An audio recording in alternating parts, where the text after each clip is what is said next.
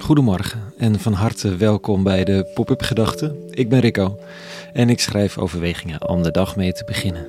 Vandaag met de titel Over je oren. Pop-up Gedachten woensdag 5 april 2023.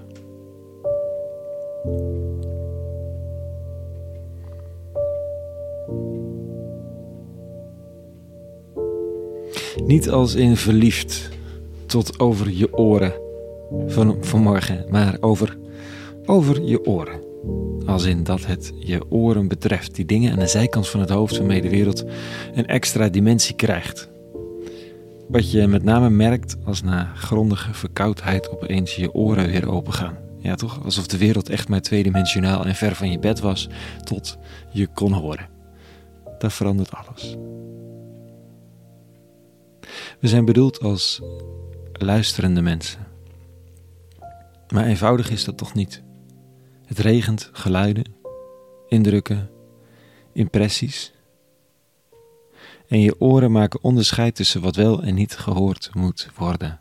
Net zullen wel je hersenen zijn uiteindelijk, maar ik ben van mensen met gehoorapparaatjes dat die unieke kwaliteit van je gehoor, het automatisch filteren van geluiden tot dat wat je wil horen, sterk minder wordt als je een gehoorapparaatje nodig hebt.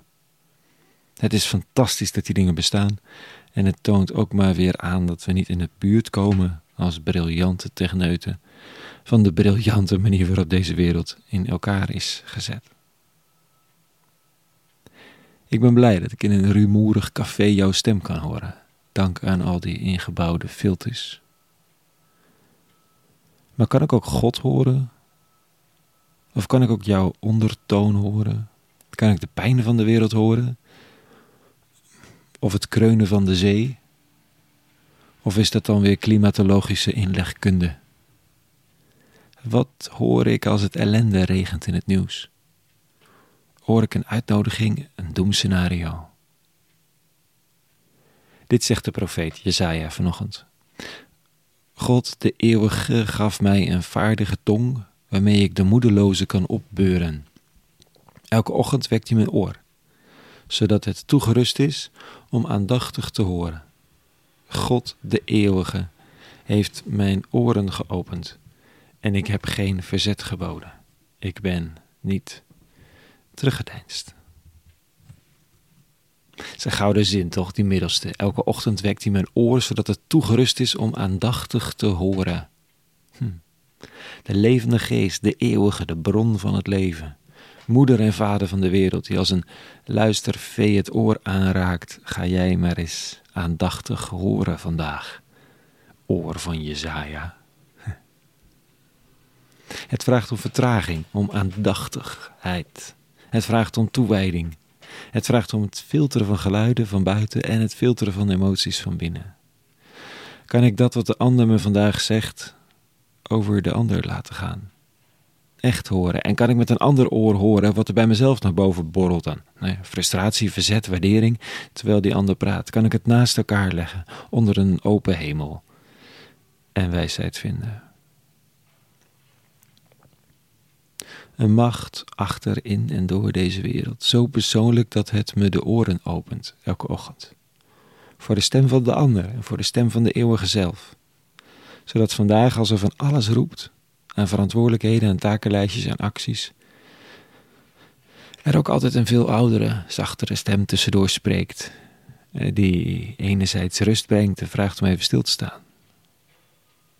Die soms ook de moeilijke vragen stelt, waar je niet op zit te wachten. Die de confrontatie zoekt met wat je niet wil weten. Het horen van Jezus van Nazareth zelf leidde hem naar een miserabel einde. En toch was het dichtstoppen van oren en het weigeren van het pad ellendiger geweest voor iedereen. Kiezen om te horen vraagt moed. Jezaja heeft zich besloten niet te verzetten tegen de stem, tegen de dagelijkse ooroperatie.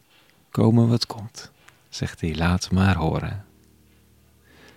Moed vraagt het en stilte en vooral heel veel oefening. Steeds een beetje. Er is geen meetlat, geen succes, geen falen. Er, is alleen de herinnering de vonk soms als je hoort wat je horen moet. Tussen het geraas van de wereld. En dan weer opnieuw luisteren of er iemand spreekt, wat er te horen is achter de dingen van de dag. om als verantwoordelijke mensen te leven in de zin van antwoord.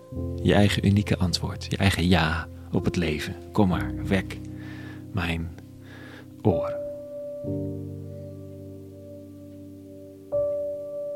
Tot zover vanochtend. Een hele goede woensdag gewenst.